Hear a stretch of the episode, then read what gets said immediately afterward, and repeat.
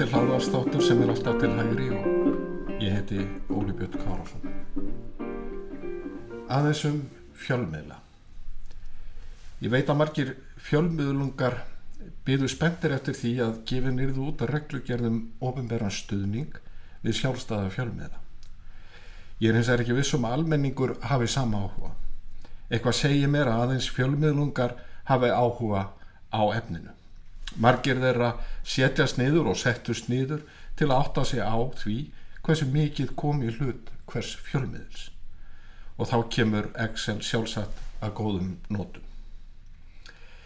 Alþingi samþýtti mæsíðastliðnum sérstakann fjárstuðning til engareikina fjölmiðla. Stuðningurinn er hluti af aðgerðum ríkisins til að spórna við afleiðingum COVID-19 faraldursins.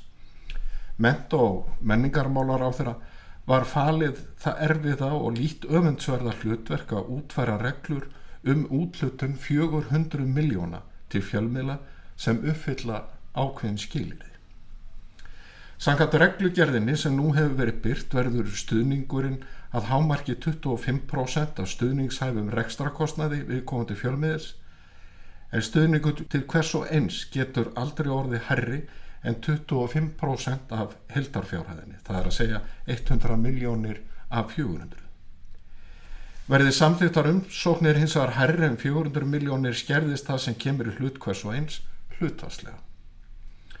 Og það verður fjölmiðla nefnd sem fær það hlutverk að leggja mat á umsóknir og útdeila þar með fjármörnum og þannig nær ofinber eftirlitstofnun betri tökum á sjálfstæðum fjölmiðlum. Af því virðast fáir hafa áhyggjur. Í fjárlögum þessa árs hafi verið gert ráð fyrir 400 miljónu króna til að styðja við sjálfstæða fjölmiðla. Við afgreðslu fjárlaga lág fyrir ríkistjórnar frumvarp um stuðning við engarekna fjölmiðla. Frumvarpið var umdelt og náði ekki fram að ganga. Sáir hér talar var í hópi gaggrinnenda. Fjárheimildinni var breytt í einskiptis aðgerð til stuðnings engareknum fjölmiðlum vegna kórónu veirunar.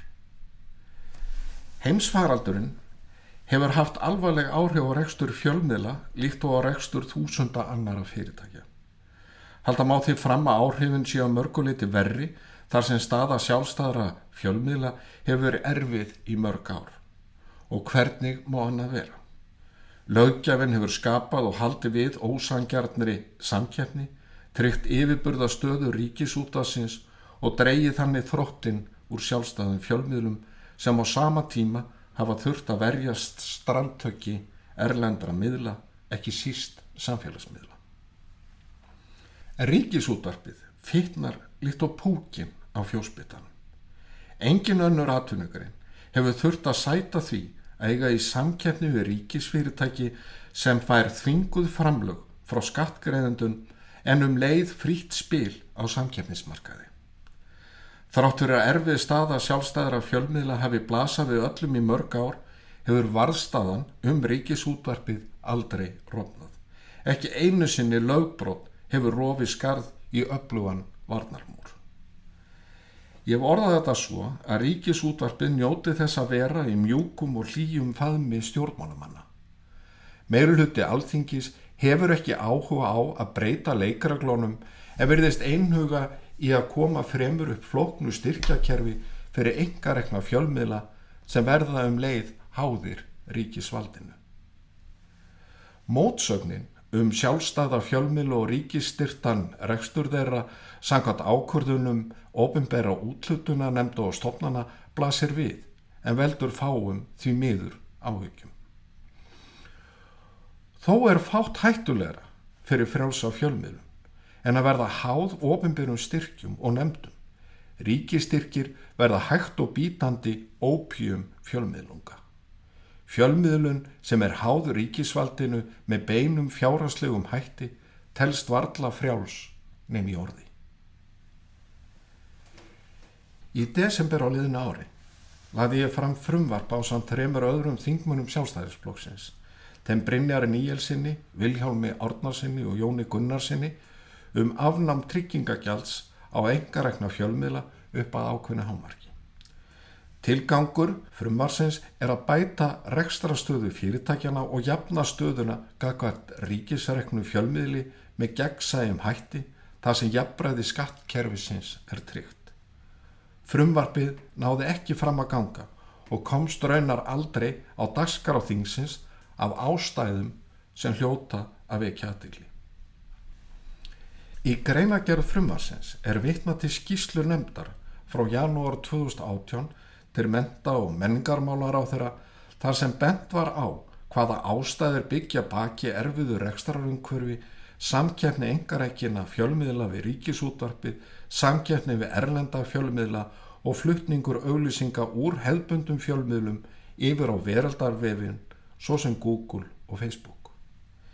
Í skýslunni er vara við því að áframhaldandi veiking fjölmiðla hafi neikvað líðræðisleg og menningarleg áhrif í samfélaginu. Frumvarpið var lagt fram með þeim raukstuðningi að skilvirkasta leiðin til að styrkja rekstararumhverfi fjölmiðla sér lækkun skatta. Í greina gerð sagði meðal annars Samræmdar og gegnsæjar skatta ívilnanir tryggjað allir engareknir fjölmiðlar séti við sama borð og fái hlutastlega sömu ívilnun. Það er gert með því að fella tryggingagjaldi nýður upp af þessu hámarki en með því næst hlutastlega sama lækkun á hvert fjölmiðil með að við launakostnað og er skatta ívilnunin þannig byggð á rekstri einstakara fjölmiðla. Sangat frumvarpinu verður því ekki þörf á að ofinbæri nefnd meti hvort umsókn fjölmiðils fullægi tilteknum skilirðum heldur er því skattkerfið sniðið að rekstraformi hvers og eins fjölmiðils án þess að til kostnæðarstofnist af halvu ríkis og fjölmiðils við útlöndu fjármuna. Það skal viðukjönd að sértækar skattalegar aðgerðir í vilnun í takt við þær sem lagðar eru til í frumvarfi okkar félaga er ekki besta lausnin á þeim vanda sem glimt er við. Skinsalegast er auðvitað að breyta leikreglum á fjölmiðlamarkaði, gera samkjætnina sangjarnari og heilbreyðari. En fyrir þeirri lausn er ekki pólitískur stuðningur. Flest ríki Evrópu leggja áherslu á að tryggja stöðu frálsara fjölmiðla með skattalegum aðgjörðum og eða beinum fjáraslegum stuðningi. Á Íslandi eru áskriftakjöld dagblad og tímarita í neðra virðsaukaskattstrepi og 1. júli 2018 var virðsaukaskattur og rafrænar áskriftir af sömu fjölmiðlum lækkaður úr efraþrepi í það neðra. Er það í samræmi við áherslu OECD að skattlagning, rafrætn og hefbundina viðskipta skuli vera hlutlaus og sangjörn. Ríkis útvarpið OHF byggir rekstur sinn fyrst og síðast á skattekjum, útvaskjaldi og auglýsingatekjum. Þá hefur fyrirtækin okkar að tekjur að kostum. Með lögum nr. 6 frá 2007 var gerð formbreyting á ríkisútvarpinu og tók ofinbært hlutafélag við rekstri, eignum og skuldum.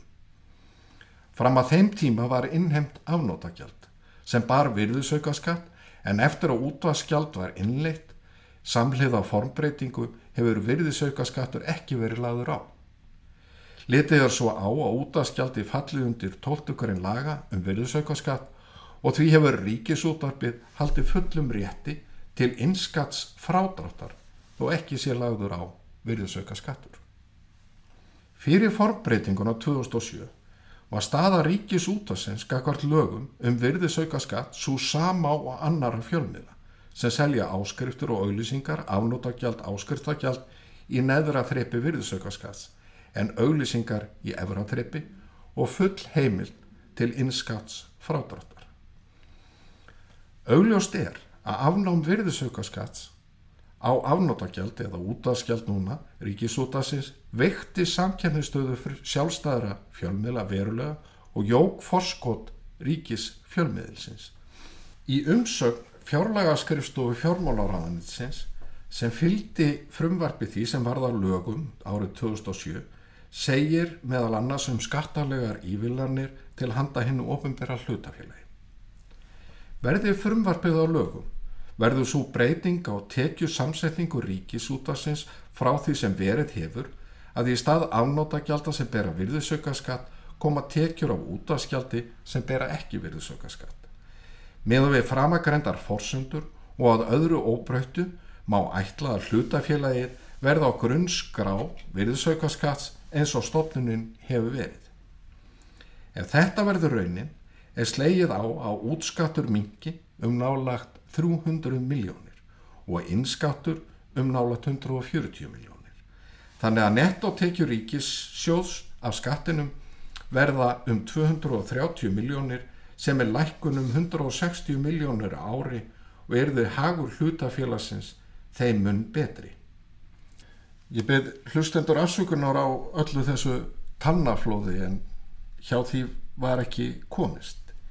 En sanga þessum þá mat fjárlagaskrifstofa fjármálaráðanitsins það svo að verið væri að bæta rekstrarlegan hag ríkisútasins um 160 miljónir á verðlægi þessa árs. Þetta jafngildur um 300 miljónum á verðlægi liðins árs. Við mat fjárlagaskristunar var hins vegar gengið út frá því að ríkisútvarfi heldi ekki rétti til að draga frá einskatt virðisaukaskatts. Það er útvaskjaldið.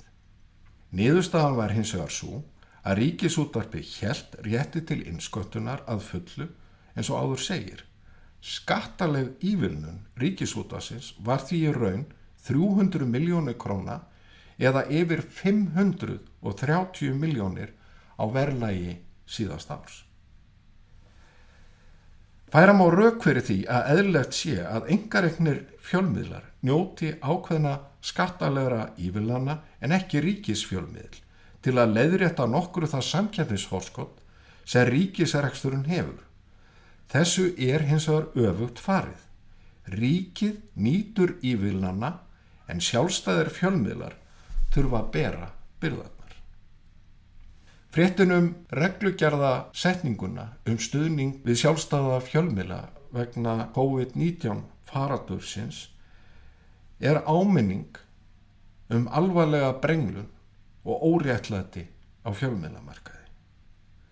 Og þess vegna er það nöðsynlegt fyrir okkur félagana að leggja frumvarf sem ég gerði hér á umtalsefni áðan um niðurfellingu tryggingagjalds á sjálfstæða fjölmiðla aftur fram á nýju þingi í þeirri von að þá fái efnislega umfjöllu og vonandi jákvæða niðurstöðu því ekkert, ekkert mun styrkja sjálfstæða fjölmiðla meira og betur en lækkun skatta. Ég þakka þeim sem hlýtu